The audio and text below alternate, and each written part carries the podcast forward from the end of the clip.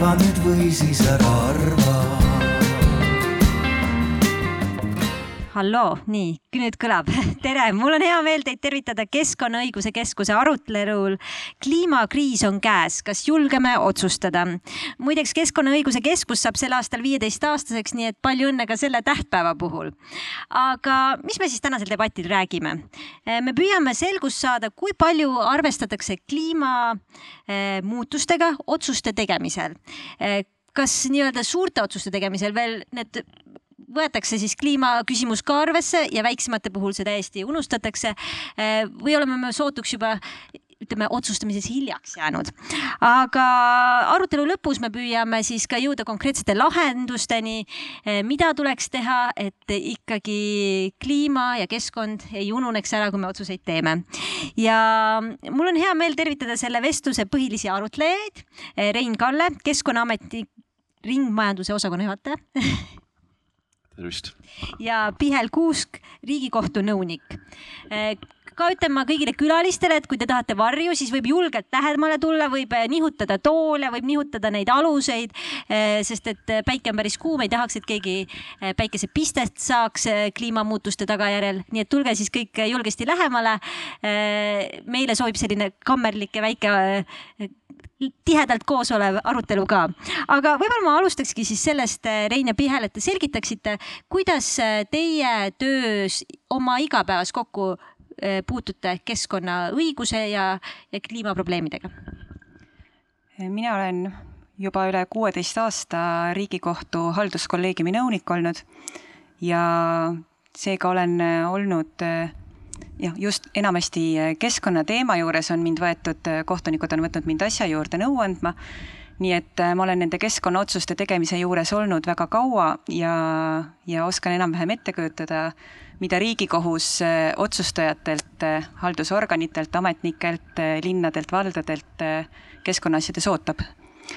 kliimateema on põgusalt läbi jooksnud mõnest üksikust asjast siiani, suurem suurem kliimateemaline otsus on, on või kliimaasi on see õlitehase asi, mis on meil praegu Riigikohtus tegelikult eh, sees. Eh, nii et eh, kahjuks ma selles osas pean nagu iga kord, kui, kui, kui teema sinna läheb, siis ma pean ütlema, et seda ma ei kommenteeri. aga, aga sellega seoses on igatahes tulnud ennast ka nüüd hästi kurssi viia. kindlasti lühidalt või pikemalt räägime ka natuke õlitehasest, eh, nii et Pihel eh, ei tunneks ennast halvasti, siis me liiga pikalt sellele ei peatu, aga me selgitame selle teema ka lahti. aga Rein, kuidas teie igapäev siis otsuste tegemisel on seotud siis keskkonnaõigusega? ja, et äh, mina olen siis keskkonnavaldkonnas olnud kakskümmend kaks ja pool aastat ja tegelikult igaste asjadega aga üks ähm, selline peamine tegevus on olnud äh, keskkonnakaitselubade väljaandmine, et olen nende andmisega ise tegelenud, aga nüüd osakonna juhatajana siis minu jüngrid äh, panevad neid kokku. ja kui sa küsid, et mis on keskkonnaluba, siis paljud kindlasti teavad, aga võib-olla mitte kõik, et äh, kui sa võtad lehe ette, et Keskkonnaamet on andnud kusagile kaevandamiseks loa, vot siis mina olen süüdi ja kui sa võtad teise lehe ette ja loed, et äh, Keskkonnaamet pole andnud kaevandamiseks luba, siis äh, jälle, jälle süüdi. mina süüdi aga kui te teete oma tööd igapäevaselt, äh, kas te näete, et siis nende õigusaktide puhul ikkagi, millest oma töös juhindute ju, et neid otsuseid teha või siis kasvõi samamoodi kohtutes kui palju üldse ikkagi arvestatakse keskkonnaga ja kliimaküsimusega? Eh, kas see on nagu selline asi, mis eh, järjest rohkem on näha, sest või on see ikkagi selline, et, et kui on konkreetne keskkonnaalane küsimus, siis võib-olla selles on see läbi mõeldud, aga niisugused teised asjad, siis seda sealt ei paista läbi? no kohtuotsustes tõesti väga vähe, kuigi nüüd alles eelmisel aastal oli üks juhtum, kus äh, arutleti selle üle, et kui meil on äh, turbakaevandus, kuhu planeeringuga on lubatud äh, luua ka tuuleparke, et siis kas, kas on okei okay öelda, et kaevandame siin veel kolmkümmend aastat turvast, kuni turvas on täitsa otsas ja siis vaatame kunagi kolmekümne aasta pärast, et kuidas see tuulepark siin hakkab tulema. et siis äh, Riigikohus ütles, et tõesti turba kaevandamine või õigupoolest juba avatud turbamaardla ammendamine on, on oluline avalik huvi, aga teistpidi mm, avatud turbamaardlast äh, läheb õhku ka palju kasvuhoonegaase ja, ja mm, tuuleenergia tootmine on, on taastuvenergia eesmärkide saavutamiseks oluline et selline noh, juba nagu kliimaeesmärke arvesse võttev kaalumine ja uurimine seal toimus ja siis Riigikohus leidis seda ka, et ei tohi kolmkümmend aastat oodata, vaid tuleb kohe hakata otsima neid lahendusi, et kuidas need kaks olulist tegevust saaksid seal samal alal, võib-olla samal ajal korraga toimuda Rein, see vist oli täiesti teie otsus, mis jõudis siis eh, kohtusse või, eh, või päris mitte et turba kaevandamine, on see teie nii-öelda igapäevatöös, teie annate need load välja? Ja eks neid lubasid on erinevat tüüpi, on load puhastitel ja turba kaevandamistel ja õlitehastel ja muudel toredatel kohtadel. aga jah, et kui ma enne ütlesin, et on see keskkonnakaitse luba siis äh, seda luba võib käsitleda kui sellist natuke nagu legot, mis pannakse kokku nagu erinevatest tükkidest ja oleneb sellest äh, käitisest või sellest tehasest. Et seal võivad erinevad tükid olla, et on näiteks jäätmetükk ja on veetükk ja siis on kaevandamise tükk. ja, ja siis on äh, välisõhutükk ja see kliimateema, eh, see niimoodi nagu eraldi tükina seal loa sees ei ole, et see on nagu kuskil natuke seal taustal või natuke seal õhus. nii et peamiselt, kui me seda luba anname, siis me räägime jäätmetest ja veest ja saasteainetest ja ja siis äh, aga, aga kliimast eriti ei räägi, nii et kliimast me räägime rohkem siin seminaril ja koolitusel ja lehes aga haldusotsuses keskkonnaloas kliimast väga ei räägita. aga miks see nii on? miks see nii on? Äh, võib-olla osalt sellepärast, et äh, meil on päris palju erinevaid muid keskkonnamuresid, eks ju, mida me lahendame. tahame ju kõike lahendada, eks ju, et jäätmeid tekiks vähe ja välisõhk oleks puhas ja ja vesi oleks hästi kaitstud ja tegelikult noh, järjest nagu sügavamale ja täpsemaks ja põhjalikumaks me läheme. et äh, kui rääkida üldse nagu kaalutlustest, siis mina mäletan aega, kus anti luba lihtsalt, nii, siin on sinu luba ja siin on sinu numbrid ja keegi seda ei vaidlustanud. Et see aeg on nagu pöördumatult läbi, et kui me nüüd luba anname, eks ju, siis me loaga anname kaasa sellise pika raamatu lausa, eks ju, kus on kümneid lehekülgi lahti kirjutatud, et vot miks me sellise luba andsime, et kõik, kõik on puhtalt kirjas ja, ja, ja need raamatud järjest pikemaks läheb. ja, ja nüüd on see küsimus, et, et miks me nagu kliimateema sisele ei kesuta, võib-olla me ei ole veel seal maal, et kliimateemad on lubades sees, et võib-olla nad alles tulevad. Pihel, soovite täiendada, kas see aluseks oleks siis näiteks kliimaseadus või mis teie näete, et, et nendes lubades ja otsustes oleks see kliimaküsimus rohkem kajastatud?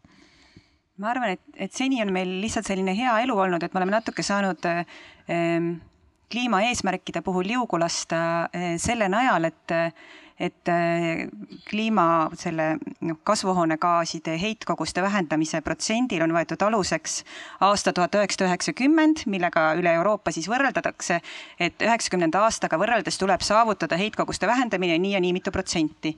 ja meil juba kohe pärast Nõukogude Liidu lagunemist langes see Nõukogude tööstuse kadumisega koos nelikümmend protsenti ja, ja seetõttu on pärast seda meil üsna lihtne olnud neid, neid Euroopa eesmärke täita. meile tundub, et meil juba läheb päris hästi ja,. jah, jah, et me oleme väga eeskujulikud olnud. aga, aga nüüd, mida aeg edasi ja nüüd, kui ka Euroopa Liit neid eesmärke on karmistanud, siis äh, hakkab minema kitsaks, et meil on noh, igal riigil on kujuteldavalt nagu oma süsiniku eelarve, kui palju me võime veel kasvuhoone tekit-, gaase tekitada äh, äh, selleks, et me püsiksime selle Pariisi kokkuleppega ette nähtud ühe koma viie või maksimum kahe kraadi piirides ja see eelarve hakkab nüüd äh, vaikselt, ma arvan, varsti Eestit ka üsna tugevalt pitsitama. ja, ja siis tulevad kindlasti need kaalutlused järjest enam ka üksikotsuste juurde Eh, aga milline see mm, praegune seis veel on, et kui me korraks tuleme tagasi, et kas näiteks selliste suurte projektide puhul, kus keskkonnaküsimused on olulised, kas seal äh, alati see mm, nii-öelda keskkonnahuvi tuleb esimesena või äh, on mingisugused huvid nagu tähtsamad, ma ei tea, ärihuvid või kuidas teie tunnete, et, et on tasakaalus erinevate äh, huvigruppide äh, sellised äh, huvid? Rein ja see on selline kuldne kolmnurk, eks ju, et äh, kõik peab olema tasakaalus, et keskkond ja majandus ja sotsiaal. ja siis eks see kaalumine ju seda mõnes mõttes tähendabki, et kui me selle loa anname, siis peame nagu kõike arvesse võtma, eks ju. ja no siin on vaated erinevad, eks ju, mina keskkonnainimesena ütlen, et no muidugi, eks ju, keskkond saab liiga, et äh, et see, aga siis tuleb mul mõni majandusinimene, eks ju, ja ütleb, et kuule, et te teete meile liiga, et, et majandust on ka vaja, eks ju. ja siis, siis, siis on veel inimene, eks ju, et me näeme tegelikult neid erinevalt, aga kui ma püüan ikkagi nagu kuidagi erapoolitult vaadata, siis ma ütleks, et no saame kuidagi hakkama, eks ju, nende kaalutlustega ja, ja ma tahaks küll, et oleks natuke keskkonna poole rohkem, aga aga eks huvid on äh, erinevad. võib-olla siin ongi õige aeg anda äh, sõna Rein Voogile, kes on Publikus Eesti Mäetööstuse Ettevõtete Liidu juhile. Äh, Rein, kuidas teile siis tundub, et kuidas see tasakaal nende ärihuvide ja keskkonnahuvide vahel otsuste tegemisel on? tere ka minu poolt. no eks muidugi tahaks kõigepealt öelda, et ettevõttele tehakse liiga, aga laias laastus võib öelda, et kusagil see kuldne kesktee on olemas mis meid küll natukene häirib, on see, et äh, kui räägitakse mingisugusest keskkonnaloast äh, ettevõttele, siis pahatihti tuleb ära teha keskkonnamõju hindamine, mis iseenesest ei ole tegelikult üldse mitte paha, sellepärast et näitab kõik need asjaolud ilusti kätte. samas näiteks, kui ma olen paar korda maininud, et näiteks suure looduskaitseala moodustamisel oleks vaja teha ka selle sotsiaalmajanduslik hinnang mõjuhinnang, mis see mõjub äh, inimestele, mis see mõjub majandusele, siis mind on pehmelt öeldes viisakate sõnadega saadetud äh, sellesse ühte kohta ja öeldud, et meie majandusega ei tegele, sellega tegeleb teine ministeerium. tähendab, kuhu ma tahan jõuda, kui me räägime siin natukene laiemalt äh, erinevatest keskkonnaotsustest, kliimaotsustest, siis meil on pahatihti, olen tähele pannud, et mitte ainult looduskaitsjate, tegelikult ka ettevõtjate poole pealt on see, et äh, hakkab tulema see otsustatagu. mida ma selle all mõtlen? tehtagu otsus nii, nagu mina tahan. ehk siis mul on õigus nõuda seda, teist, kolmandat ja ma nõuan, et seda tehakse, samal ajal mul puudub vastutus, mul puudub kohustus arvestada nende järelmitega. me räägime, et meil on vaja mm, taastuvenergiat. Teeme, aga miks me ei räägi selle juures seda, et eh, kui palju see nõuab näiteks metalle, liitiumi, liitiumit on vaja nelikümmend korda rohkem kaevandada aastas kui praegu maailmas. sellest me ei räägi. kus liitiumi kaevandatakse kõige rohkem? äärmiselt äh, eesrindlikus ja demokraatlikus äh, Kongo demokraatlikus vabariigis. ma loodan, et kõik panid tähele sinna väga rasvaseid jutumärke. Ja vahetevahel tekib selline tunne nagu, et minu aias ei tehta, siis on nagu kõik okei okay,, aga tundub, et on uus äh, selline kolonialism hakkab tulema, et toodagu sealt materjalid mulle siia ära. Eestis jumala eest fosforiiti, issand, mitte mingil juhul. samal ajal need muldmetallid on rohepöörde jaoks äärmiselt olulised, ilma nendeta lihtsalt rohepööret ei tee. ehk siis me ütleme A, aga me ei ütle B, C. ma ei tea, kas me ei tea seda, mis on B ja C või me ei julge neid öelda ja viimane asi, igasuguste otsuste juures, mida me teeme tulevikuotsuste juures, me peame arvestama ka seda, kuidas see mõjub tänapäeva inimestele. noored jah, neil on äh, veel võimalused. vanematel pensionäridel ma kahtlen, kas nad selle äh, üle elavad, sellepärast et kõik, keegi peab ju selle lõpuks ka kinni maksma ja rohepööre on täpselt samamoodi äri. keegi seda, ükski ärimees seda ei teeks, kui see oleks nii-öelda talle tasuta. aitäh nii, teine Rein ja Pihel siin, kui te kuulete Reinu sõnavõttu, mis mõtteid see tekitab, kas teie näete, et, et on nagu sellised kokkupuutepuha, pooled olemas nii-öelda kahel täiesti erinevalt mõtleval huvigrupil ehk siis keskkonnaaktivistid ja võib-olla ärimehed või on ikkagi tõesti praegu see, et sellist ühisosa ei leita? Selle nii-öelda kuldse kolmnurga kohta, et see sotsiaalne, majanduslik ja keskkond, et seda, kui ma ülikoolis käisin peaaegu kakskümmend aastat tagasi, siis seda õpetati, et need on nagu kolm sammast ja et, et see lahendus peab olema tasakaalus.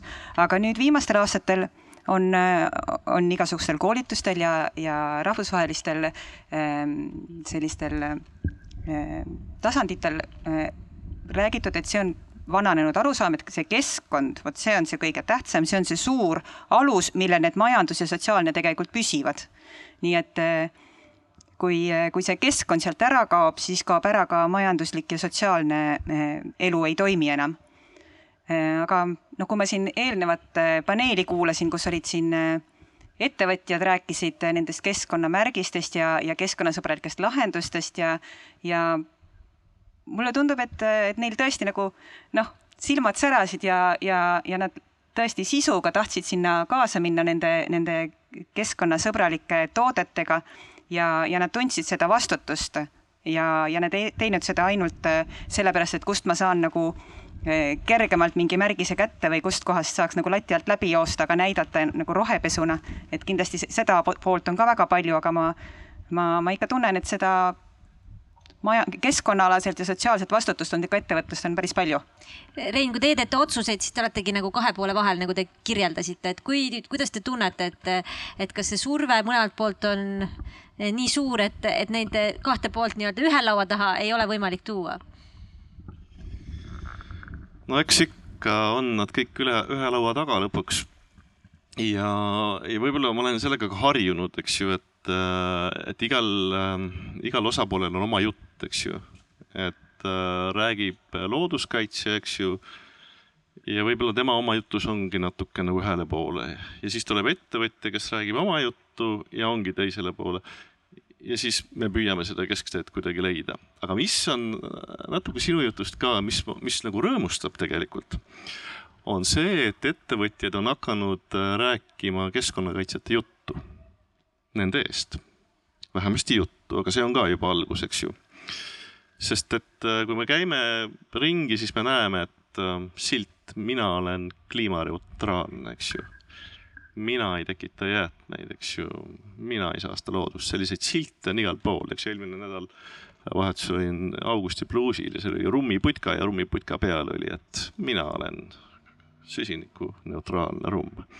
nii et selliseid, selliseid silte on küll meil hea lugeda, et meie sõnum on juba ettevõtte reklaamtahvlil sest see müüb, nagu Rein ütles, teine Rein ütles, et siis äh, see on ka äri ja praegu on ka ju popp nii-öelda olla ja mõelda kliimateadlikult. Äh, aga kui nüüd äh, mõeldagi sammu edasi, ma annaksin võib-olla sõna keskkonnaaktivist Kertu-Birgit Antonile, et Kertu, kuidas teie tunnete, et kuidas teie näete ärihuvide ja kliimaküsimuste kuidas öelda siis otsuste tegemisel äh, sellist tasakaalupunkti, et, et kas äh, keskkonda peetakse piisavalt meeles või vastupidi, äh, et keskkond ongi alati esikohal? aitäh, ma nõustun hästi sellega, mis Pihel just mõne, mõni aeg tagasi ütles.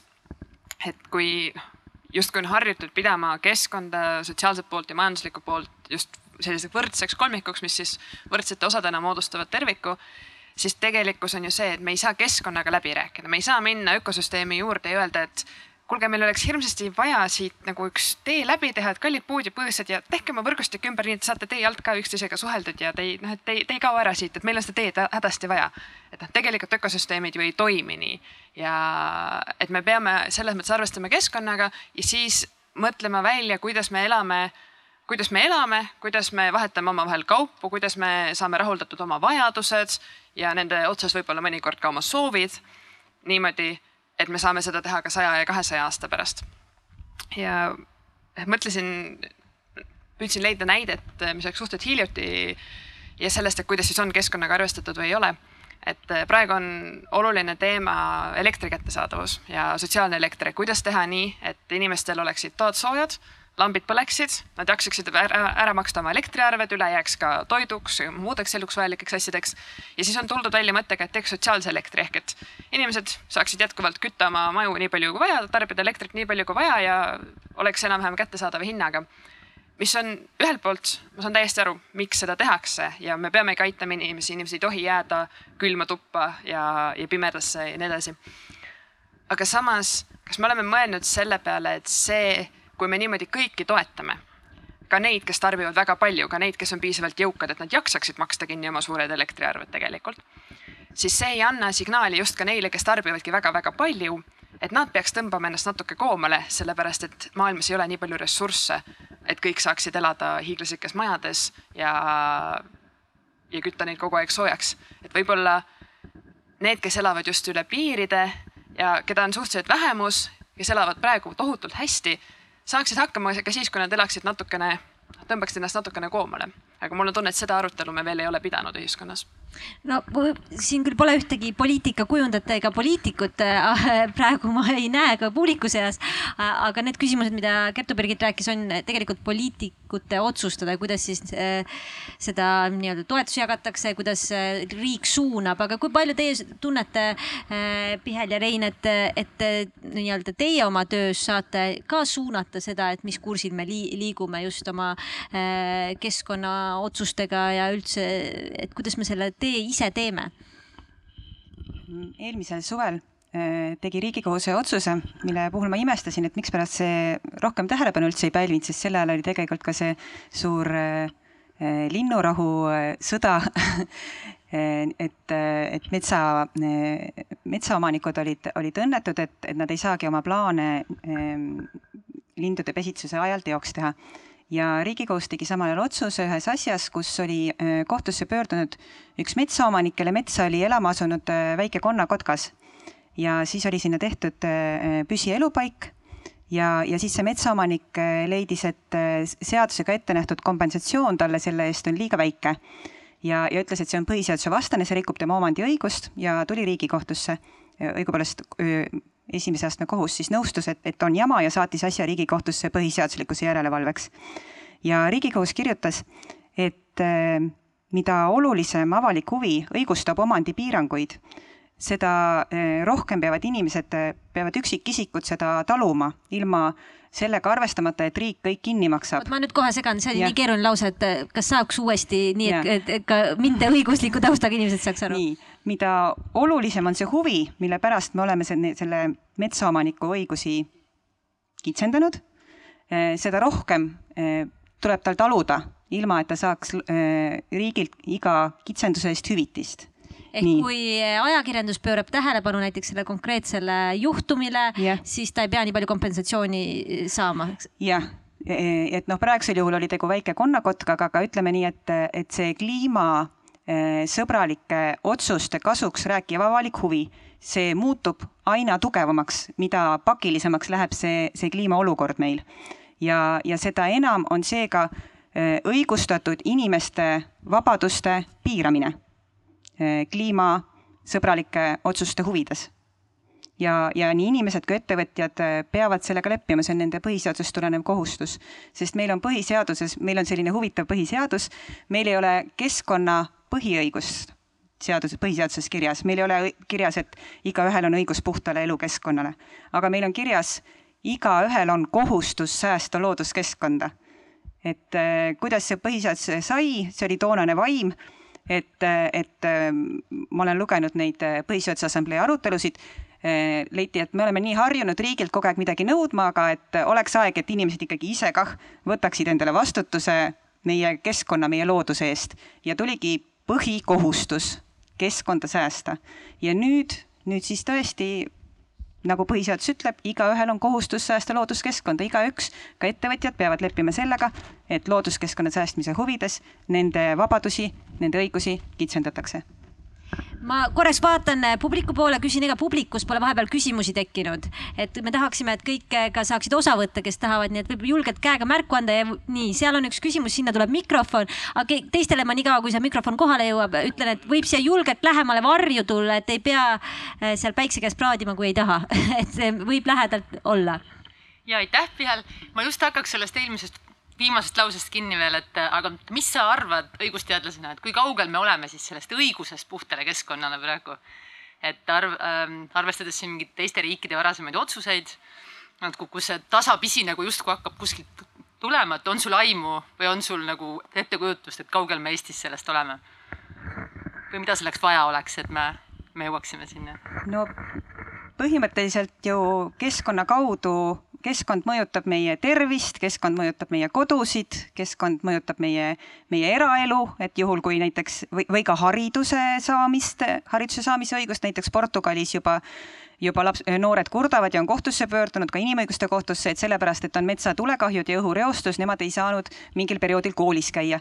et tegelikult need keskkonna kaudu inimesele äh, tekkivad äh, mõjutused, need on tegelikult ka kaetud paljude teiste põhiõigustega, õigus elule, õigus tervisele, õigus kodude kaitsele, õigus omandi kaitsele. nii et, äh, nii et selle tõttu ei tundu nagu see vajadus keskkonna põhiõiguse järele nii pakiline. Äh, selles olukorras, kus meie põhiseadus on, meie põhiseaduse keskkonnanormid on, on iseenesest päris tugevad Rein, kas teie oma töös näiteks eh, tunnete, et on puudu mingisugusest sellisest selgemast äh, seadusest või, või näiteks ma ei oskagi öelda, kliimaseadus, mis reguleeriks ka veel mingit moodi teie otsuste tegemist või te tunnete, et juba on niigi palju kõik reguleeritud? kui ma vaatan nüüd ja võrdlen teiste valdkondadega, eks ju, et äh, no näiteks äh, välisõhu kvaliteet et äh, kui keegi tahaks teha siia kiriku kõrvale mõnda tehast, siis tuleks välja arvutada ja modelleerida ja hiljem mõõta, et kuidas see kuidas see saaste siin käitub, eks ju, kuidas ta hajub, eks ju. kas, kui sina siin tänaval kõnnid, et kas sinu jaoks on kõik okei okay,, eks ju. seal on ees konkreetsed normid, eks ju, me modelleerime, võrdleme normidele, kas sobib, siis sobib, kui ei sobi, siis tuleb puhasti panna või ei saa üldse tehast teha, eks ju. asi on konkreetne jäätmetega on samamoodi, õhu, seal veega on samamoodi, asi on konkreetne, eks ju, me saame sellega ilusasti hakkama nüüd kliimaga läheb asi keeruliseks, eks ju, meil on mingid kliimaeesmärgid, kõigepealt on nad maailmas, siis nad on Euroopas, siis nad on Eestis, siis on neid palju, eks ju, siin on ja seal on ja veel kolmandas kohas. ja siis äh,, siis olukord pidevalt muutub, eks ju. täna on uuring, homme tuleb uus uuring, tuleb välja, et asi on hoopis hullem tegelikult, et peaks nagu rohkem pingutama. Äh,. täna on poliitika, homme on poliitika ja poliitika on sihuke anonüümne, me peame, me peame, me peame keskkonda kaitsma, meie kõik. aga kes siis, kas sina ka? ja vot siis läheb keeruliseks, eks ju, et ei mina, mina, mul on väike tehas, mina siin Paides, eks ju. mis Paide, Tallinnas tuleb keskkonda kaitsta. ja vot siis läheb ära, et tegelikult, et naaber peab kaitsma, aga mina ei taha ja, ja siis, siis sa püüad kirjutada, et aga Pariisi lepe, eks ju, et võiks ka Paides kehtida. aga kus sul õiguslik alus on, ma annan su kohtusse ja siis sa ütledki, et noh, päris õiguslikku alust ei ole, aga, aga äkki ikka. ei, ei, see ei sobi mulle. nii et sinna, sinnamaani nad äh, jäävad, nii et ma näeks, et võib-olla sellise niisuguse suure poliitika ja selle haldusotsuse vahel oleks mingi lüli, eks ju kus seesama kaalutleja saaks ka natukene nagu abi, et oot-oot, et kuidas ma oma otsuse teen. sest kui ta peab hakkama lepet äh, ja seal inimõiguste konventsiooni ja, ja ma ei tea, mida veel, eks ju, niimoodi sinna otsusesse tuua, siis ta, siis ta kõrbeb. tal on vaja temale, kes seda otsust teeb, kasvõi siin äh, Paide linnavalitsuses, eks ju, keskkonnaspetsialist, temal on vaja nagu konkreete. milline number, kellele, siis ma saan seda ka kasutada Pihel, kui siduvad üldse Eestis äh, on need Pariisi kliimakokkulepe ja kõik muud sellised rahvusvahelised äh, kokkulepped, kus on siis need äh, kliimateemad paika pandud? meil on selline süsteem, et äh, meie jaoks need rahvusvahelised kokkulepped, mis Eesti riik on sõlminud, ongi kohe osa Eesti õigusest, nii et põhimõtteliselt tõesti Paide linnavalitsuse spetsialist võiks oma otsuses kirjutada Pariisi kokkuleppest ja, ja seda on ka õiguskantsler Ülle Madise põhiseaduse kommentaarides kirjutanud, et, et seda võiks tegelikult rohkem teha, et vaadatagi noh, et me juba, juba inimõiguste konventsioon on võrdlemisi tuttav nii kohtutele kui, kui, kui haldusorganitele, aga, aga et ka teisi rahvusvahelisi lepinguid teadvustada, näiteks laste õiguse konventsioon ja, ja ka Pariisi kokkulepe. aga järgmine küsimus on see, et, et mis normid sealt Pariisi kokkuleppest, mis on nagu suur-suur kompromiss väga paljude riikide vahel, et mis seal nüüd on see piisavalt konkreetne, et kust ma saaksin kinni hakata? sellest on leitud, et on põhimõtteliselt kolm sellist konkreetsemat reeglit, mis sealt tulevad. üks on see, et, et see seob kõiki erinevaid otsustustasandeid tõesti riikidest kuni kohalike omavalitsusteni välja. kõik peavad panustama selleks, et neid Pariisi kokkuleppe eesmärke saavutada. teine eh, siduv ja, ja tõesti nagu selline eh, norm, millest saab kinni võtta, on see temperatuuri eesmärk, kaks kraadi maksimum, aga parem, kui piirduks ühe koma viie kraadiga. ja kolmas on siis see ajaline eesmärk et äh, kliimaneutraalsus sajandi teiseks pooleks ja Euroopa Liidus on see tehtud konkreetsemaks kliimaneutraalsus kahe tuhande viiekümnendaks aastaks.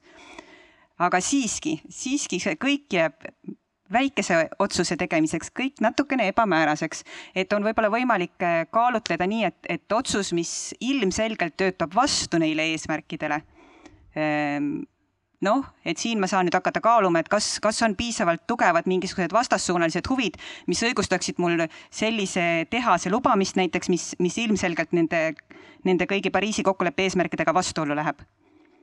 aga, aga kui nüüd nagu minna konkreetsemaks et kui palju see meie süsinikueelarvet nagu vähendab, kui palju ma üldse selles sektoris, selles valdkonnas pean koomale tõmbama, mis asjad jäävad tulevikus, tuleb jätta tulevikus ära, sellepärast me praegu lubame sellise tehase ehitamist, et see kõik tõesti vajaks riigisiseselt palju konkreetsemaid norme aga kas näiteks, kui Eesti ei tee nii, nagu on kokku lepitud mõnes rahvusvahelises kokkuleppes kliimaküsimustes, kas me, järgneb ka mingi sanktsioon, mingi trahv, a la nagu kunagi oli suhkrutrahv küll teisel teemal, aga et kas midagi sellist järgneb või tegelikult nagu tagajärgi ka pole, kui me ei tee seda? Euroopa Liidu eesmärkidega vastuollu minnes küll on need tagajärjed Äh, et saab Euroopa Komisjon saab äh, Eesti riigi Euroopa Kohtusse kaevata ja siis äh, Euroopa Kohus saab määrata trahvi, nagu, nagu suhkrutrahviga oligi. aga, aga kui Pariisi kokkuleppes sa neid eesmärke ei täida, ma ei tea, kas keegi on paremini kursis, et ega seal otseselt ei ole ju mingeid sanktsioone, jah, jah, jah. Jah, aga noh, seal on, üks, mis sealt Pariisi kokkuleppest ka tuleneb, üks põhimõte on see, et kõik peavad pingutama, kõik, kes on nagu lubanud sellest asjast osa võtta. ja, ja see on ka see eh, vastuargument sellele nii-öelda piisake ookeanis äh, väitele, et, et aga Eesti, me oleme nii väikesed, meie heited on üldse nii väikesed, mida see meie otsused üldse mõjutavad. ja et kui meie ei tee, siis teeb keegi teine selle tehase või, või või läheb see tootmine mujale, et kuna Pariisi kokkuleppes on kirjas, et kõik peavad pingutama, siis me saame eeldada, et kõik tõepoolest pingutavadki ja me ei tohi oma otsuste tegemisel eeldada, et teised ei pinguta. Rein, aga kuidas siis neid otsuseid saab üldse teha, kui kõik see kliimaküsimus seal taustal on nii ebamäärane, et kas see on selline ametniku kõhutunde küsimus siis, et eh, kuidas peaks selle noh, nii-öelda kliima äh, küsimuse ja kliimateemad seal oma otsuses ära põhjendama? ma arvan, et äh, kõige parem on kuskilt pihta hakata, et kui me mõtleme, et kunagi tuleb selline ideaalne süsteem ja hea, kui üldse arvuti seda ütleks, kuidas peab tegema ja et äh, enne ei tee midagi, et mulle tundub, et sellega ei jõua kuhugi. ja et kuhugi jõuda, siis peab kuskilt pihta hakkama ja mitte kartma ka eksida, eks ju.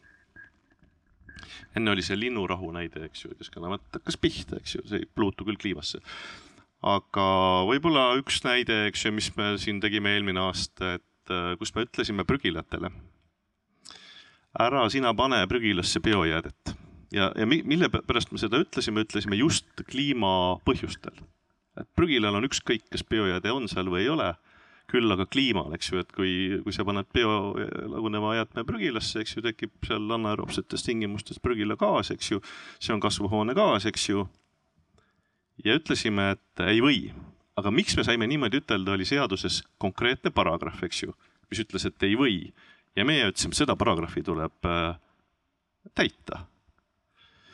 ja väike tegu, eks ju, väike asi, noh, võib-olla kliima, maailma kliima mõttes, eks ju, aga siiski samm, et noh, kui tahta, siis saab, eks ju, kisa tõuseb muidugi taevani, et nüüd tehakse jälle liiga, kas tõsiselt. Peame hakkama jäätmeid sortima, biojäätmeid, kohutav.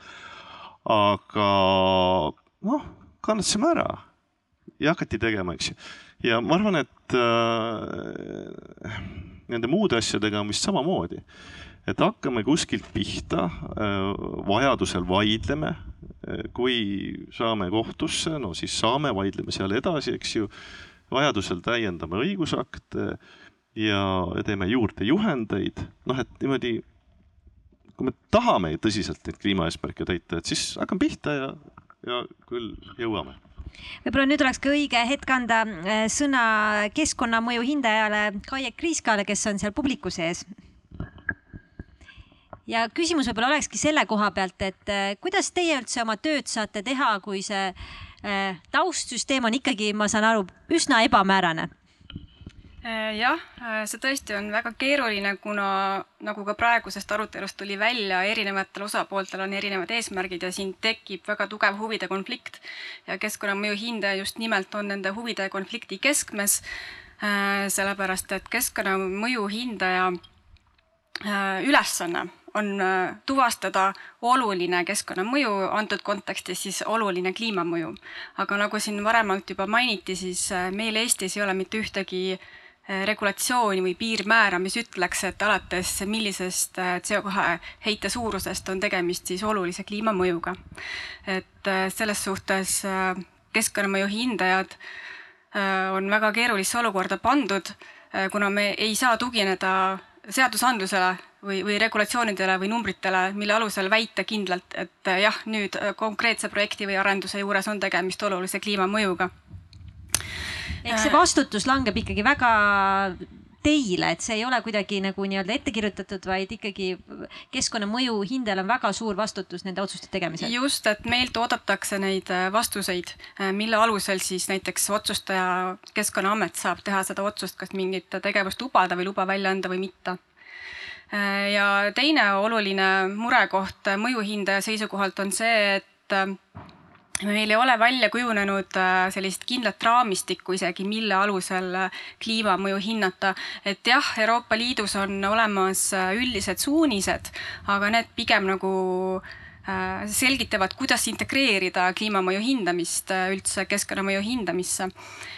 ja on mõned väga üksikud ähm, sektoriaalsed juhised Euroopa Liidu tasandil, aga need on ka natukene teise nurga all kirja pandud näiteks äh, pidades eelkõige silmas investeeringuid.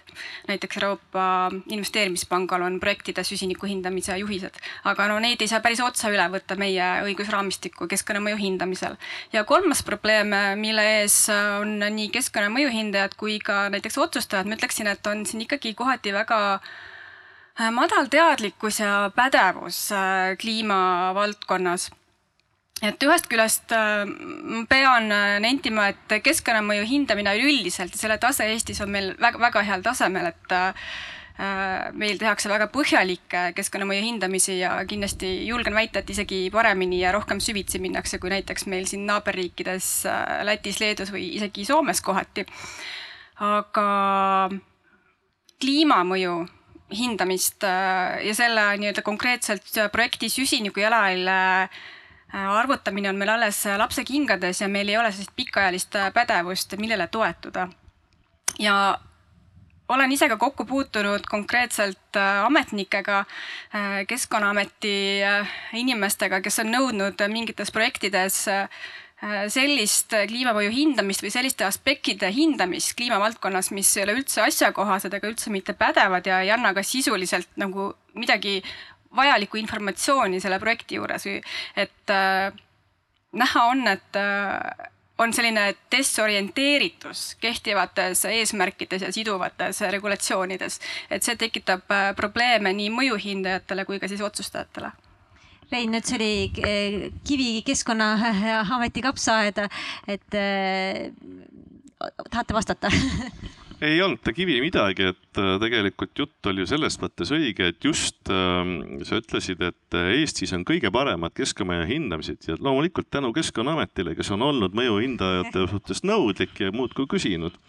nii et seda joont me kindlasti ka jätkame, et tahame parimad olla aga noh, kui vaadata nagu, kuidas nagu keskkonnamõju hindamine tervikuna on nagu arenenud, et jällegi minnes natuke ajalukku, et äh, kui lugeda kakskümmend aastat vanu mõjude hindamisi, siis need tunduvad tänasel päeval nagu väga naljakad et see on mõnel lehel ja keskkonnamõju hindamine.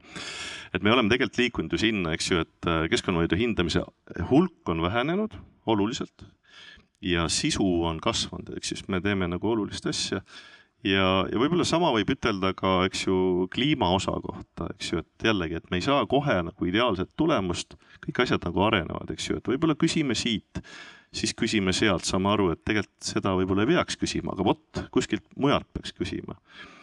nii et äh, eks ta on nagu selline, selline arenev teema aga kui nüüd äh, siit seda arutelu jälgida, siis jääb mulje, et ikkagi äh, kui me keskkonnamõjusid hinnata oskame väga hästi, siis ikkagi eh, sellise seadusandliku poole pealt oleme me ikkagi Euroopa mõistes siis mahajääjad. on see nii Pihel või, eh, või kuidas teie hindate, et Eestit teiste riikide kontekstis? päris paljudel Euroopa riikidel on olemas kliimaseadused ja lugesin hiljuti ühte väga põhjalikku Saksa konstitutsioonikohtu otsust mis, mis mind pigem veenis, et tegelikult ka ikkagi meil oleks seda vaja, sest just nagu seaduse tasandil eh, Riigikogu otsusega niiviisi parlamendi demokraatia abil läbi mõelda see, kuidas me jõuame sinna kliimaneutraalsuseni, kust me kui palju peame kokku tõmbama, millised, millised vabadused vähenevad olulisemalt, millised vähem. et no see kliimaseadus, see ei pea olema midagi väga pikka, et näiteks äh, Taanis vist oli mõnda aega oli kliimaseadus, kus oli ainult neli paragrahvi, aga nüüd nad tegid uue, kus on neliteist paragrahvi. Äh, aga lihtsalt ikkagi see annab mingisuguse toetuspunkti. Äh, et praegu on meil, leiab neid eesmärke, leiab arengukavadest, noh näiteks energiamajanduse arengukava, et kus on need vähendamise protsendid on kirjas ja, ja mida siis ka võib-olla otsuste tegemisel saab vaadata, kuigi nad kipuvad jääma äh, ajale jalgu, et tegelikult nad on ähm, võrreldes nende Euroopa uute eesmärkidega juba vananenud, seal see kliimaneutraalsus osades on sees, osades ei ole. aga ikkagi arengukava on midagi rohkem nagu ühe, ühe valdkonna spetsiifilist, et äh, üks ministeerium ütleb, et see on teise ministeeriumi arengukava, et meie äh, ametnikud seda ei vaata. aga et kui oleks seadus, siis see oleks midagi üldkehtivat ja, ja loodetavasti läbimõeldud, loodetavasti õiglast. Ja see looks suurema õigusselguse ja õiguskindluse. nii, Rein Voog tahtis ka sõna. jah, aitäh. ettevõtjad kusagil mälu järgi ütlen, et üks neli kuud tagasi pöördusid valitsuse poole ja keskkonnaministeeriumi poole ettepanekuga kliimaseaduse kirjutamiseks, oleks meil ka lihtsam, me teaksime neid mängureegleid praegusel hetkel äh, mängureeglid on segased. Äh, kahjuks aeg-ajalt sõltub ka Keskkonnaameti ametniku silmavaates, kas ta on natuke rohelisem või natukene majanduse poole kaldub, see on inimlik, ma ei ütle, et see on hea või halb, see on, äh, see on elu. aga teisest üks asi veel, mille ma tahtsin tähelepanu juhtida, on see, et alati siiski see ei taha nõustuda sellega, et see keskkonna pool peab prevaleerima, sest päeva lõpuks me võime ju öelda, et et eh, kõik meie oma eksistentsiga, kui me siin praegu hingame eh, süsihappegaasi välja, me rikume keskkonda, eks. ja, ja teine asi on ka see, et näiteks eh, olemasoleva situatsioonis Saksamaa taaskäivitab oma pruunsöe elektrijaamu. ehk siis meil tuleb siia juurde veel üks kurb aspekt ehk siis julgeoleku aspekt mis meil on nii-öelda energia poole pealt oluline ja laias laastus tulevikus terve Euroopa poole pealt vaadates ka eh, toorainega varustatuse garanteerimine. sest näiteks haruldastest muldmetallidest praegu on üle üheksakümne protsendi Hiinas ja Hiinaga ei ole just Euroopal praegu ka just kõige sõbralikumad suhted, nii et äh, üks aspekt, mida ei puudutatud ja, ja noh, ma arvan, et sellesse ei ole ka mõtet minna, aga, aga see on ka üks aspekt, mis, mis tuleb juurde, nii et ei ole päris nii mustvalge ja looduskaitseliste otsuste puhul tuleb või keskkonnakaitseliste otsuste puhul tuleb siiski arvestada ka seda sotsiaalmajanduslikku aspekti, aitäh. Rein, tahab teine Rein sõna võtta? ja siin võib-olla on täna ka välja toodud nagu see konkurents majanduse ja keskkonna vahel siis mõnes mõttes võib tekkida konkurents ka keskkonnakaitse ja keskkonnakaitse vahel. mis te selle all mõtlete? ma mõtlen selle all siia, et äh, võib-olla oleme täna rääkinud sellest, et, et äkki me saaks teha keelduvaid otsuseid rohkem, eks ju, midagi ära keelata, midagi piirata. nüüd teiselt poolt, eks ju, see julgus midagi teha võib tähendada ka seda, et äkki me peaks midagi hoopis lubama kiiresti, eks ju. et, äh, et, et äkki me peaks lubama selliseid tegevusi, mis on kliimale hea, aga võib kahjustada mõnda teist keskkonnavaldkonda, eks ju kliima on oluline teema, ütleme näiteks noh, kõige trafaressem näide, ütleme tuulik. kiiresti on tuulikuid vaja, äkki me peaks otsuse täna ära tegema, tehtagu. Ja mis see võib tähendada seda, et äh, kui siiamaani meil on tähtsad olnud sellised lokaalsed keskkonnaprobleemid, eks ju. minu vaade äh,, müra äh,, linnud, eks ju, siis me peame ütlema, et okei okay,, linnud küll, aga kliima on kõige tähtsam ja et kliima heaks tuleb see otsus ära teha ja muud keskkonnaasjad, Natura ja sellised asjad jäävad kõrvale. Mõistate, siin on konflikti koht juba minul sees, kui ma seda juttu räägin, tekib konflikt, kas tõesti nii? aga sihuke olukord võib tekkida. no ütleme, et Eestis on ju see tavaline, et, et igale poole mujale võib ehitada, aga mitte minu tagaaeda ja need tuulikupargid ongi ju seisma jäänud, et aga, aga kuidas siis nagu saada sellest tupikseisust edasi, et, et, et ei peaks nii-öelda teerulliga kohalikest elanikest üle sõitma nende otsustega, vaid ikkagi saaks eh, nii see lokaalne keskkond kui ka suur kliimaeesmärk täidetud? Pihel mm et kõigepealt sellest julgeolekukriisist, et et noh, see ongi veel üks väga oluline huvi, mida tuleb otsuse tegemisel kaaluda. Ja, ja mida pakilisemaks lähevad need keskkonnaprobleemid, seda olulisemad peavad olema need, need vastukaalulised huvid, mis, mis keskkonda kahjustavaid otsuseid õigustavad. Ja noh, julgeoleku puhul tõenäoliselt on see, on see kaal olemas aga mulle tuli meelde seoses tuulikutega ka üks näide Norrast, kus äh, kohus äh, tühistas ühe tuulepargi arenduse projekti sellepärast, et sellega oleks mm, ära võetud saamide traditsioonilised põhjapõdra karjamaad ja, ja noh, ja lei-, noh, ütleski see kohtunik, kommenteeris, ma vaatasin ühte, ühte videot, kus ta seda otsust kommenteeris, et tuleb leida nagu see tasakaal äh, nende inimeste huvide vahel, kes praegu nende, nende kliima jaoks, kliima äh, kaitseks vajalike otsuste pärast kannatavad ja, ja siis nende kliimahuvide vahel. ja samal ajal tuleb leida ka eriti kohtute vaatepunktist äh, õige tasakaal selle demokraatliku protsessi austamise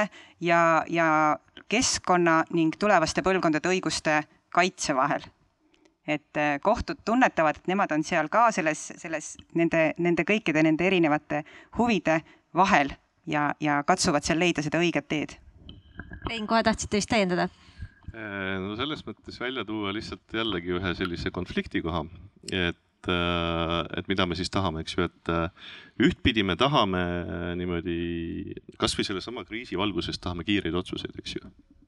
kiiresti tuleb teha, talv hakkab tulema. ja teistpidi me tahame kõvasti kaaluda, uurida, puurida, eks ju, mis tähendab aega, eks ju noh, kaalume seda tuulikut, no kümme aastat või, või kakskümmend aastat, lõpuks võib-olla saame selgeks, eks ju. et siin on nagu jällegi sihuke konflikti koht, et me tahaks nagu mõlemat aga ja mõlemat ei saa ja siis räägitakse, et noh, tuleks ikka tasakaal leida, aga asjad ei lähe edasi, sest tasakaalu ei leita ju tegelikult noh. et ja kui sa küsisid enne, et vot, et kuidas see sihuke ideaalne lahendus või, või, või kuidas sa küsisid, et siis äh, jah, kui seda sellist ideaalset lahendust teaks, no siis oleks praegu keskkonnaminister. Jah.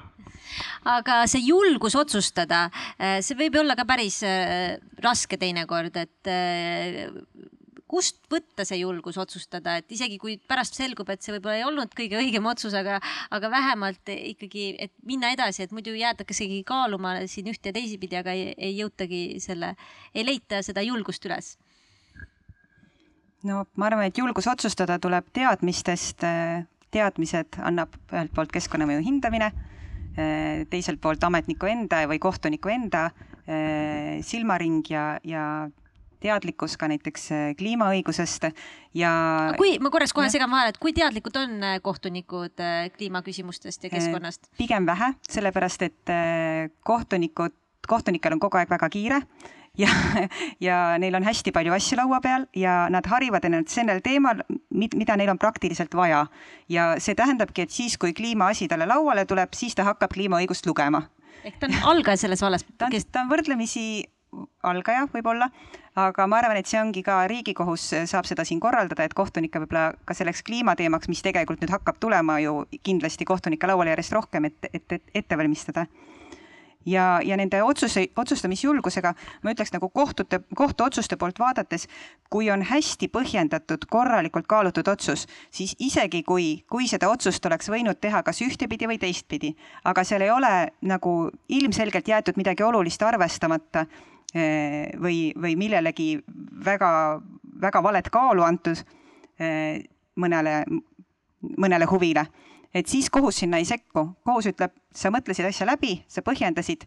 Äh, see on, see ei ole kohtuasi nüüd siia tulla nüüd norima ja ümber tegema, et selles mõttes julged ja hästi põhjendatud otsused äh, jäävad kohtus püsima ka.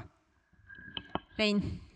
olen sellega nõus, et äh, Keskkonnaamet teeb iga päev julgeid ja häid otsuseid ja tegelikult meil läheb kohtus väga hästi, et enamus asju me võidame. kliimaasju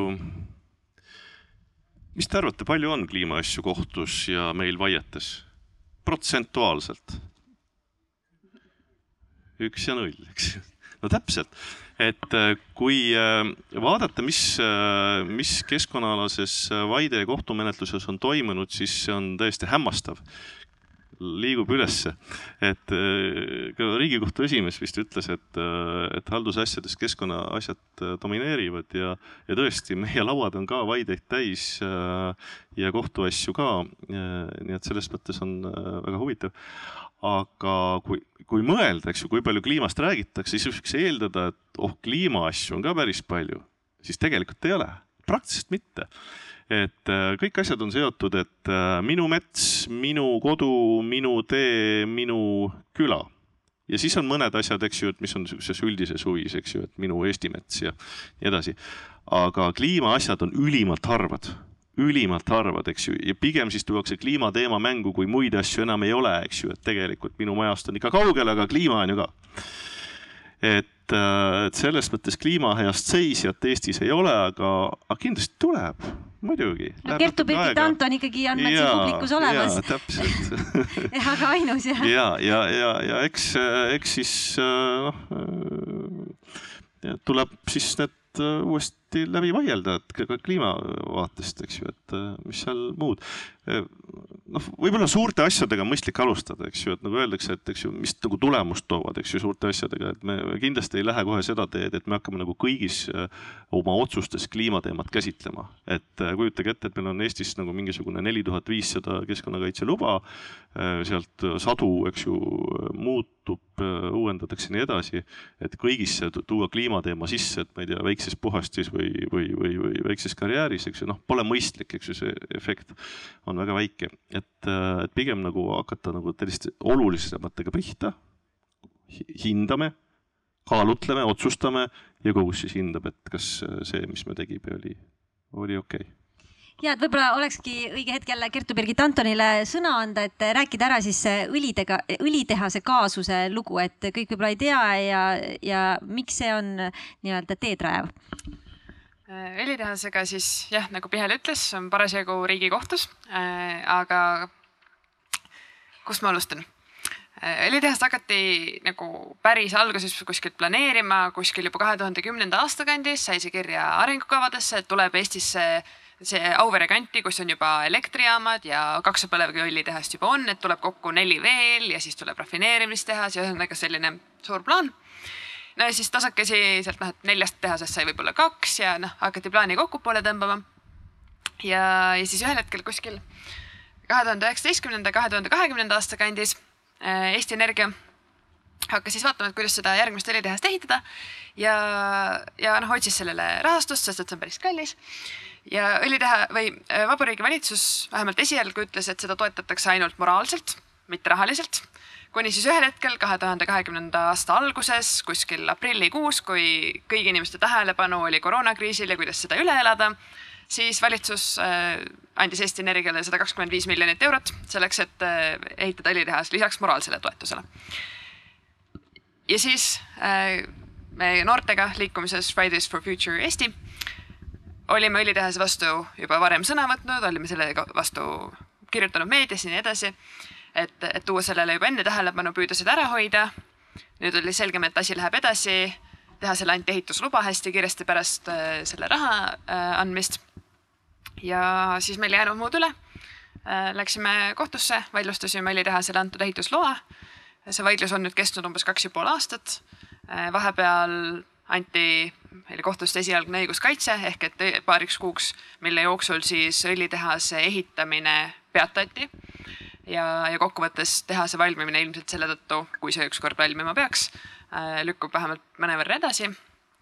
aga jah, hetkel oleme Riigikohtus ja, ja ootame, mida Riigikohus kas, kas Riigikohus võtab üldse midagi arvata selle õlitehase kohta ja kui jah, siis mida? ja te vaidlustasite siis just seda kliima aspekti? me vaidlustasime seda jah, eelkõige kliimamuutuste argumentidega, et õlitehas, see kava, see ehitatakse selleks, et toota selles põlevkiviõli Eesti Energia on küll hakanud rääkima õlitehasest, kasutades sõna keemiatehas ja ilusate plaanidega, et kunagi, no kümne aasta pärast see hakkaks tootma plastijäätmetest õli ja nii edasi. aga praktiliselt neil seda tehnoloogiat teadaolevalt ei ole, vähemalt nad ei ole avalikustanud, et neil oleks. nii et hetkel vähemalt lähiaastatel, kui see peaks valmima, on see ikkagi õlitehas, toodab põlevkiviõli, mida kasutatakse ookeanisõidulaevadel laevakütusena ja põletatakse sealt, sealt see jõuab atmosfääri ja soojendab meie kõigi kliimat nii, Pihel, ma ei küsi üldse selle kohta, ma küsin, et millal siis on otsust oodata, et kas seda on vähemalt teada? ma arvan, et äh, selle kuu jooksul peaks tulema määrus, äh, kuna esitati ka esialgse õiguskaitse taotlus, et, et see tehase ehitus praegu seisma panna. et äh, selle kohta peaks tulema, ma arvan, augustikuu jooksul või siis septembri alguses määrus alustuseks. ja siis mõne kuu jooksul teeb Riigikohus otsuse, et kas võtta asi menetlusse või mitte. kui Riigikohus asja menetlusse ei võta, siis tuleb lihtsalt äh, lühikene määrus, et äh, asi ei saa menetlusluba ja jääb see ringkonnakohtu otsus. kui asi tuleb menetlusse, siis hakkab Riigikohus kirjutama otsust ja see võtab, noh, meil on niisugune hea eesmärk kirjutada otsused valmis saja päevaga, alati ei jõua aga, aga noh, et umbes selline see ajakava siis on, mingi pool aastat, ma kujutan ette, et kui ta peaks menetlusloa saama et nii ja. ma veel täienduseks, et miks see on kliima vaatest oluline rajatis, miks see õlitehas on kliima vaatest just Eesti kontekstis oluline, on see, et eh, kui see õlitehas läheb käima, siis õli tootmise kasvuhoonegaaside heide ja selle õli põletamise kasvuhoonegaaside heide oleks kuskil üks koma kolm kuni üks koma neli miljonit tonni aastas ja noh, et see võrdluseks on umbes kümme protsenti Eesti kogu riigi heitest, mis lihtsalt selle ühe tehasega lisanduks et, et see ei ole lihtsalt mingisugune üks pisike tehas kuskil, vaid et tegelikult on päris mõjukas. nii, aga vahepeal on siin publikust küsimusi tekkinud. ma võin siinsamas anda, et sa ei pea jooksma. aitäh juhatajale. nimelt äh, ma tutvustan, ma olen kõigepealt Paide linna kodanik. punkt üks. punkt kaks, ma olen sündinud Ida, Ida-Virumaal põlevkivi keskel, tuhamägede keskel. ja noh, ma nende, neid probleeme tean väga hästi, kuna isa oli siis raudtee peal tööl ja selle kaudu liikus väga head infot, palju seda põlevkivi siis välja veeti või sisse veeti või kuidas sellega oli. ja mm, hiljem poliitikas olles siis selgus, et põlevkivi toodeti möödanikus kakskümmend miljonit tonni aastas. Eh, ja kui nüüd mõelda sellele, et äh, kui palju põlevkivituhka jääb, siis noh, tuletan meelde viiekümnendat, kui põlevkiviga sai pliiti kütta, siis pange täis põlevkivi ja kaks pange tuhka sai välja võtta pliidi alt. noh, selline oli proportsioon umbes nii piltlikult öeldes. Ja äh, Kohtla-Järvel oli veel selline asi, et seal vanalinnas, Vana Tuhamägi, see on praegu alles. ja oli aeg, kus Inglismaa, see oli enne sõda, tahtis seda Tuhamäge ära osta, aga mingil põhjusel Eesti valitsus keeldus sellest ja pärast siis selgus ka põhjus, et see tuhk sisaldas selliseid väärismetalle, mida no kõige lihtsam oli maa alt välja tuua. ja nad olid väga äh, sellised noh, defitsiitsed tõesti ja ärge imestage, et põlevkivi sisaldab ka kulda. ja et noh, et asi natuke teravam võiks olla ja et me siis arvestaksime sellega ja ega see kullasisaldus seal põlevkivis ei ole ka ülisuur, aga mitte ka eriti väike, et sellega tegemist ei oleks vaja teha. noh, piltlikult öeldes, kui need Eesti varusid kõiki kokku arvata, siia nüüd see ettevõtluse temaatika juurde ja need kohtulahendid, siis Eesti kõnnib umbes poole meetri paksuse kullakihi peal, ilma teda kasutusotad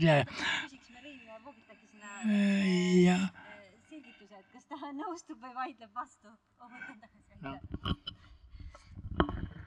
Läheb väga teemast kõrvale niimoodi lühidalt. lühidalt jah, Eestis on kulda küll aga Eestis on tegelikult praktiliselt terve Mendelejevi tabel, iseasi on see, kas see majanduslikult otstarbekas on äh, kaevandada ja praegusel hetkel, nii palju kui mina tean, ei ole seda majanduslikult otstarbekas kaevandada, läheb lihtsalt liiga kalliks kätte ära. küll aga äh, on Eestis fosforiit ja fosforiidis leiduvad äh, haruldased muldmetallid, mis äh, tuleb nii-öelda teemaks, ma pakuksin viiekümne aasta aja, aja perspektiivis. ja, ja siis me satume jälle sellise nii-öelda keskkonnaküsimuse juurde. ühelt poolt meil on neid muldmetalle rohepöörde jaoks väga-väga vaja nii tuulikute, akude kui päiksepatareide jaoks. teiseks, me ei taha jälle, et meil siin seda asja tehakse. ehk siis, kui me võtame ühe matemaatilise valemi üks pluss kaks pluss kolm on kuus, siis ühe teeme ära, kuue peame saama, aga kaks ja kolm vaadake ise, kust te, kust te saate. võib-olla siin ongi hea väike teemavahetus teha, et kuidas me jõuame siis nende suurte kliimaeesmärkideni kaks tuhat viiskümmend nii edasi, kui neid vaheetappe polegi, sama, mis Rein ütles, et, et kas peaks olema selline konkreetne teekond, konkreetsed reeglid, konkreetsed numbrid ma ei tea, kes, kumb teist tahab alustada?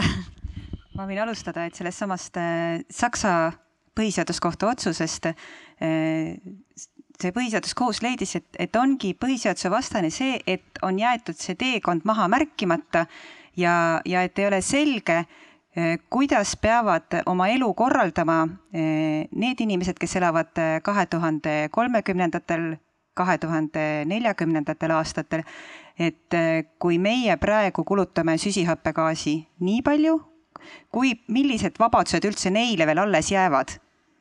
Et, et see teekonna mahamärkimine on väga oluline just ka põlvkondadevahelise õigluse tagamiseks, mitte et meil on pidu ja, ja nemad siis kannatavad, nad ei saa üldse autoga sõita, ei saa üldse lennureise teha või, või, või kaotavad milleski veel olulisemas. et et see teekond tuleb läbi mõelda, tuleb välja arvutada ja, ja siis on ka kõigil otsustajatel lihtsam. Rein, kas te juba näete mingisuguseid selliseid vahepeatusi, mis teie töös äh, oleks hea, kui oleks olemas sellel teekonnal?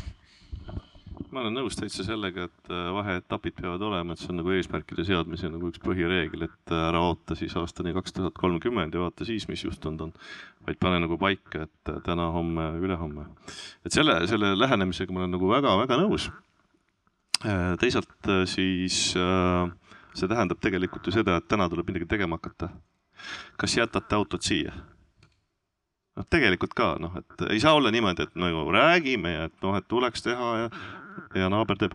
aga noh, tegelikult tuleb ka teha ja siis hakkab valus, eks ju. siis hakkab valus, teil hakkab valus ja meil hakkab valus ja siis tuleb see valu ära kannata ja see ongi okei okay..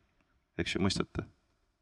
see ongi okei okay aga kas on üldse võib-olla, kui nüüd tulles tagasi sinna Ukraina sõja konteksti, kas neid otsuseid on üldse võimalik hetkel teha, sest et tegelikult see kriis on veel hullem ja veel lähemal kui see kliimakriis, et see ikkagi tundub kaugel.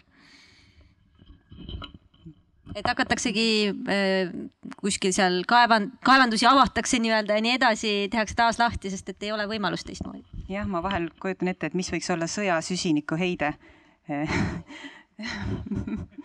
et selle kõrval nagu kõik õlitehased kahvatuvad, aga, aga, aga jah, kohati jälle, kui hästi veab, siis need kriisid jälle äh, võimestavad üksteise lahendusi, et, et see, see energia äh, kriis, äh, mis tuli sellepärast, et ei saa enam ida poolt soodsalt sisse osta, see jälle võib-olla annab hoogu nendele taastuvenergia lahendustele, et hoiaks pöialt selliste nagu positiivsete koosmõjude suhtes nende kriiside lahendustes? ja et äh, ühtpidi on nagu selline oht tõesti, et äh, tuleb tagasilöök, eks ju, et kliima, kliima, kliima, kliima ja siis on energiat puudu, eks ju ja nüüd siis ütleme, et tegelikult see kliima las jätta kõrvale ja nüüd äh, võtame põlevkiviõli uuesti kasutusele ja kindlasti neid tagasilööke võib tulla. aga mis teise on kriiside iseloomulik, on see, et võivad tulla selliseid lahendusi, mida me ei suuda nagu isegi ette prognoosida, eks ju. me mõtleme oma tavamõistusega, et äh, nii ja nii ja nii ja siis jääme kinni ja saame aru, et ei tulegi nagu lahendust ja siis tuleb kriis kohutav.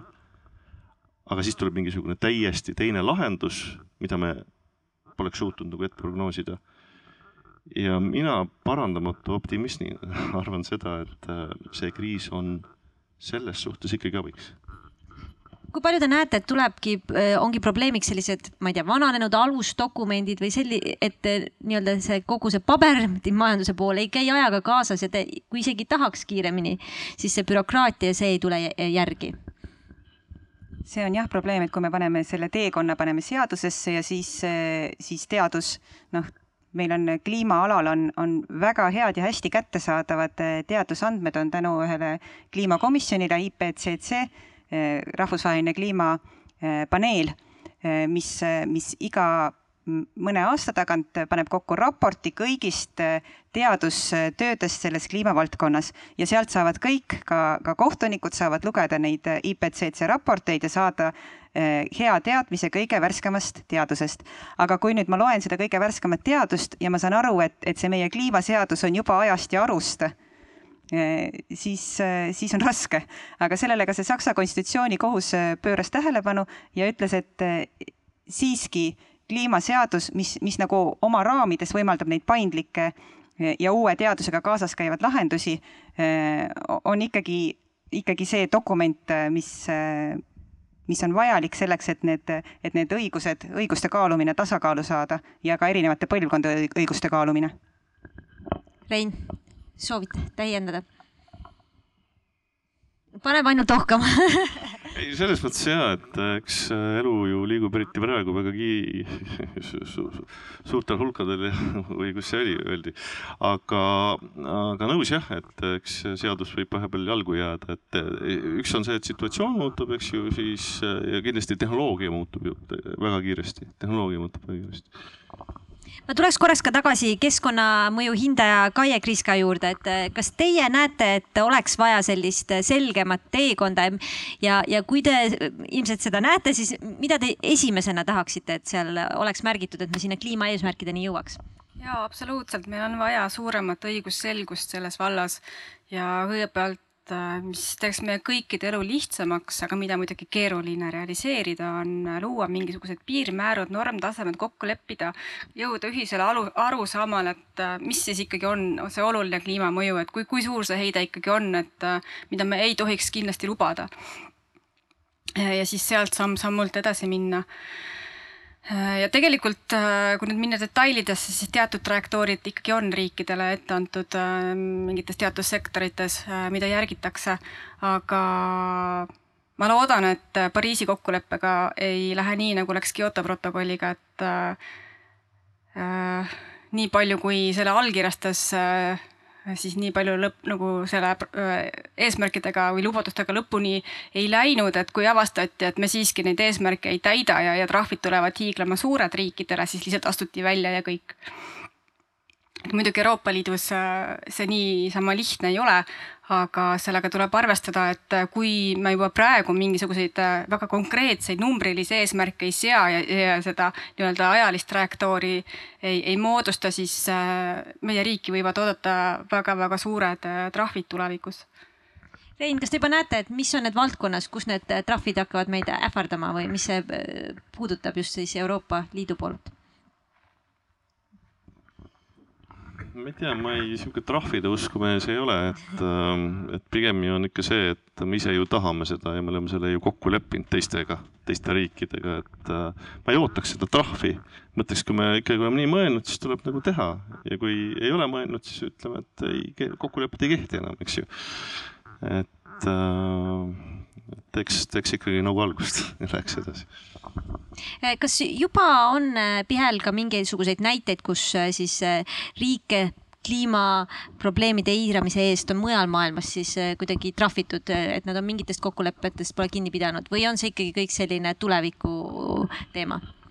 trahvitud mitte, aga on, on edukalt mindud riikide vastu kohtusse, sellepärast et nende kliimaeesmärgid pole piisavalt ambitsioonikad kohtusse pöördujateks on siis äh, keskkonnaorganisatsioonid äh, äh, ja aktiivsed üksikisikud, tihtipeale noored, aga ka on huvitavaid näiteid, kus on just vanad inimesed, üks Šveitsi kohtuasi, kus kohtusse pöördus ühendus Vanad daamid kliimakaitseks ja, ja nemad tõid just selle esile, et, et nende demograafiline grupp kannatab näiteks kuumalainete tõttu ju eriti, et nad lihtsalt, lihtsalt surevad ära. ja, ja päris mitmes riigis on kõrgemad kohtud teinud tõesti otsuse, kus on ütelnud, et need eesmärgid, need kasvuhoonegaaside heitkoguste vähendamise protsendid, mille, mis riik on oma teekonnale maha märkinud, need ei ole piisavad inimeste õiguste kaitseks ja, ja on sundinud või on üt-, kohustanud riiki uuesti läbi mõtlema ja, ja uued ambitsioonikamad eesmärgid eh, maha panema.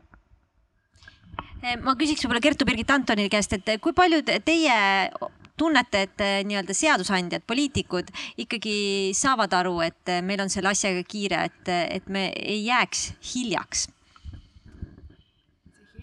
oih, tähendab, nii, see hiljaks jäämine on selles mõttes väga keeruline on mitte hiljaks jääda, et nagu jälle Pihel viitas, et on IPCC raporteid siis äh, viimatise IPCC raporti kohaselt selleks, et maailmas kliima soojenemine saaks jääda alla kahe kraadi, rääkimata ühest koma viiest kraadist, selleks, et saaks kliima soojenemine jääda alla kahe kraadi, peab maailma süsinikuheide hakkama väga kiiresti vähenema enne aastat kaks tuhat kakskümmend viis. kaks tuhat, noh praegu on kaks tuhat kakskümmend kaks, meil on pool aastat, kaks tuhat kakskümmend kolm, kaks tuhat kakskümmend neli on kaks ja pool aastat. Kui me selle kahe ja poole aastaga ei suuda maailma süsinikuheide, seda heite kasvu niimoodi hakata kiiresti allapoole tooma siis meil ei ole võimalik jääda alla kahe kraadi soojenemise. ehk et see hiljaks jäämise piir on peaaegu siin, aga samas see on kaks ja pool aastat, kui me mõtleme, mida me oleme suutnud kasvõi Eestis või üle Euroopa viimase kahe ja poole aastaga ära teha, milleks varem oleks kulunud aastaid või aastakümneid. kui me mõtleme, noh, räägime ka suurtest riikidest, räägime, kuidas Saksamaa on pööranud oma poliitikat näiteks julgeoleku vallas praeguse Ukrainas toimuva sõja tõttu, siis on näha, et tegelikult kiired muutused on võimalikud, kui me saame ühiskonnana aru, et see on meile oluline ellujäämiseks et noh, et see ei ole päris võimatu, aga, aga et see on, on jah, et tuleb väga-väga kiiresti tegutseda. mida ma olen Eestis täheldanud hiljuti, noh viimase paari aastaga on see, et minu meelest järjest rohkematel poliitikutel, mitte veel kindlasti kõigil, aga rohkematel hakkab tekkima see tunne, et see kliimakriisiga tegelemine ei ole asi, mis meist mööda läheb me ei saa lihtsalt oodata, kuni tuleb mingisugune järgmine teema ja sellega enam tegelema ei pea, vaid et see päriselt, see on siin, see on päris teema ja sellega tuleb tegeleda. noh, mis on samm edasi aga nüüd oleks see, et tulekski tegelema hakata. Rein Voog, palun. aitäh, üks asi, mis äh, tegelikult Rein juba välja tõi, et tegeletagu, aga, aga noh, kui minul see ei sobi, siis ma seda ei tee, et äh, see on tõesti laialt levinud. üks aspekt peaks olema rohepöördel ja kliimamuutuste vastasel võitlusel kindlasti ka see, et reaalsele inimesele tänavalt tehakse selgeks, mis see temale kaasa toob. hakkame sealt pihta, mis see talle rahaliselt kaasa toob. Ka see tuleb ausalt öeldes välja, välja öelda ja noh, argumendid, et riik peab kompenseerima ja raha tuleb eh, seina seest ja piim tuleb poest, ei ole alati nii-öelda kõige adekvaatsemad argumendid. ja mis see sellel inimesel konkreetselt eh, maksma läheb, mis see meie riigi majandusele maksma läheb. sellepärast, et äh, Euroopa Liidu mälu järgi ma ütlen, et oli vist üheksa protsenti kogu maailma süsinikheidetest, muuseas selle sõja äh, süsinikheite kohta kusagilt alles mõni päev tagasi ma lugesin mingit numbrit ja see oli ikka kolossaalne. aga Euroopa Liidu majandus on kakskümmend kaks protsenti maailma majandusest ja kas see võib tähendada seda, et kui me siin väga omal siin nii, nii-öelda kraanid kinni keerame, et me tapame oma majanduse lihtsalt ära, me tapame Euroopa majanduse ära. ja lõpptulemusena on see, et äh, kusagilt peab ka riigil raha tulema, see tuleb maksudest, see tuleb tulumaksust, käibemaksust ehk siis äh, toodetest. ja aspekt, julgeoleku aspekt ka veel, et äh, on öeldud, ma olen alati öelnud seda, et mis saab siis, kui päikest ei ole ja tuult ei puhu ja väljas on miinus kakskümmend viis. siis öeldakse, et no et ei ole probleemi, et siis me ostame selle kusagilt sisse. Just eile oli uudis, et Norra piirab oma elektri eksporti.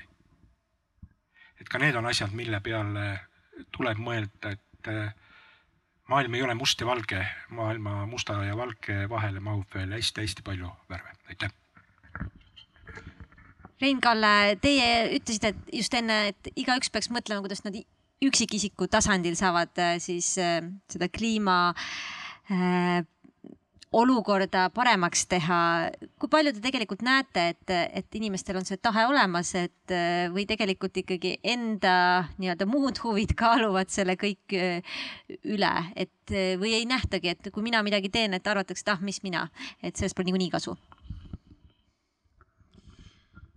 no kuna mina liigun nagu päris palju keskkonnaametnike seltskonnas, siis, siis seal on päris rohelised jah? seal on see tahe olemas kindlasti äh,.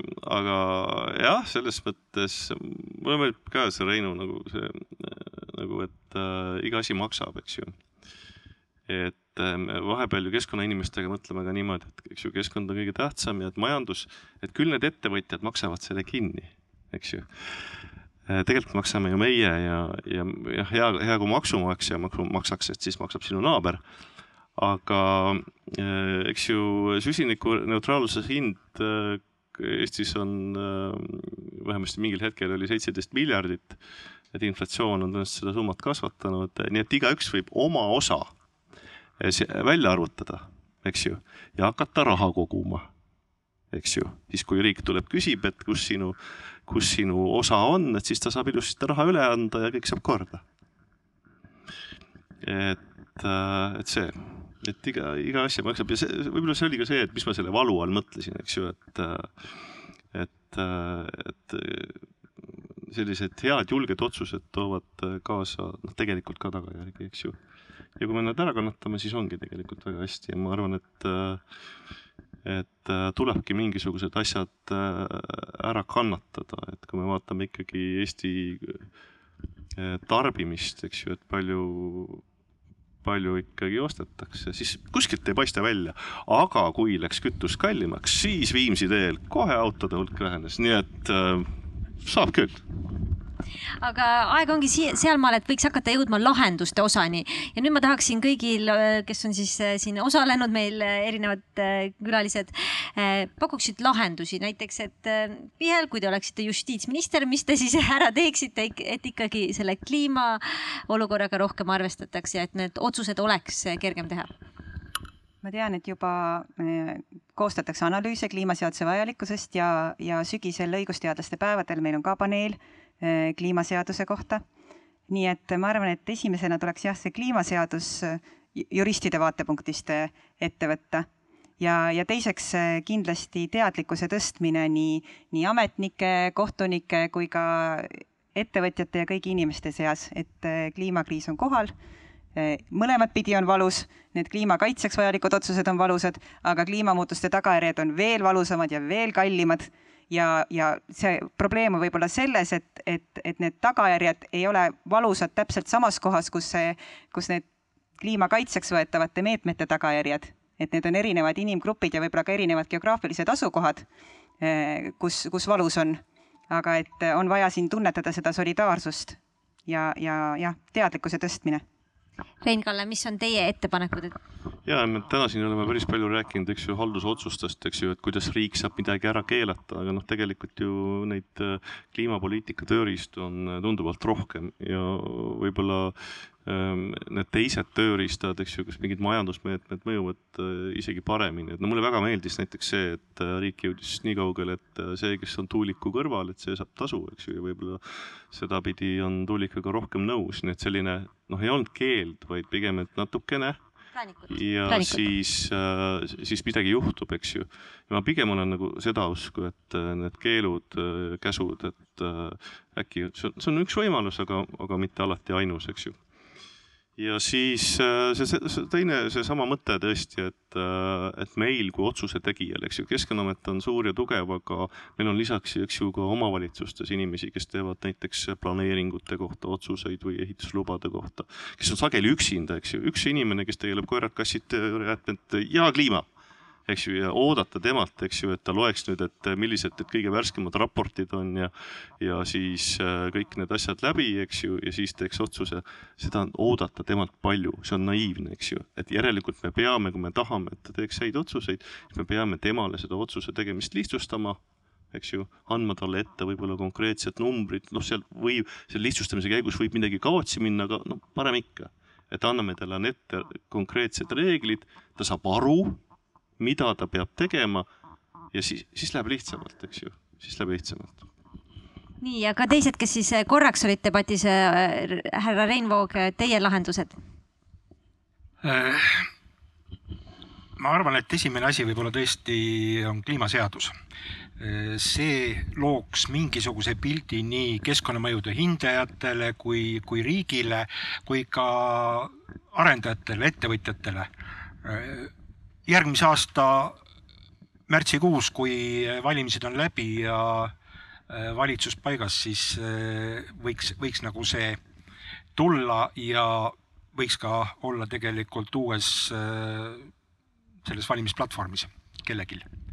ennem valimisi ma sellest suurt ei räägiks, sellepärast et siis, siis läheb asi lappama ja siis nii nagu on, et lubatakse pensioni kaks korda rohkem ja, ja kõiki muid ilusaid asju ja üks asi veel, mida võiks tähelepanu pöörata, et kui me räägime sellest äh, majandusliku poole pealt, et kui meil moodustatakse looduskaitsealasid, ka siis seal võiks olla sotsiaalmajanduslik põhjendus juures, reaalne.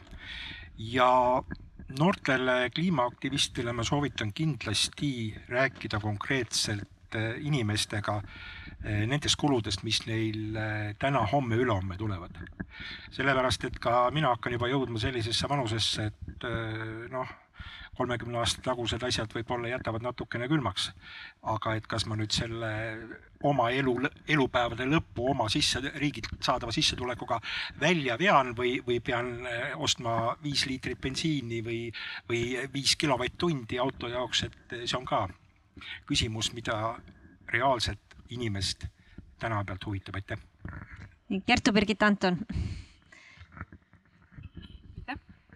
Äh, ma ka, ka noorte poolt ütlen, et ka meil on suur soov näha kliimaseadust valmimas ruttu äh, just selleks, et oleks selge, mis siis meie riigis saama hakkab, kuidas me hakkame ühiselt kliimamuutustega tegelema, kuidas me nendega ka kohaneme, sellepärast et nagu arutelu pealkirigi ütleb, kliimakriis on juba käes. Et me peame kuidagi ka kohanema ja siin ellu jääma.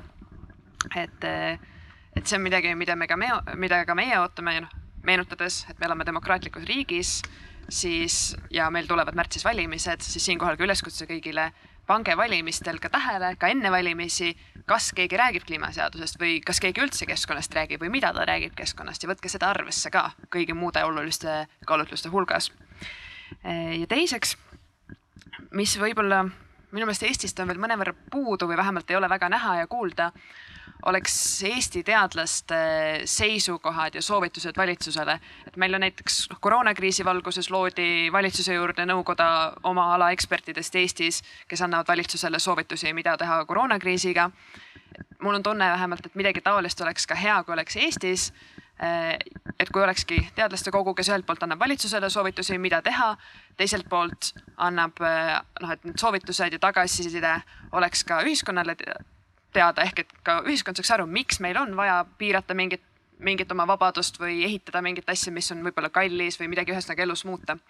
et see on asi, mis näiteks Prantsusmaal on juba tehtud nende kliimaseadusega, on loodud selline kogu, kes sellist tööd teeb. et võib-olla võiks neist eeskuju võtta. Ja see teeks kindlasti ka lihtsamaks ajakirjanikel leida inimesi, kes keskkonnateemadel räägiksid avalikult. aga Kaie Kriiska, teie lahendused?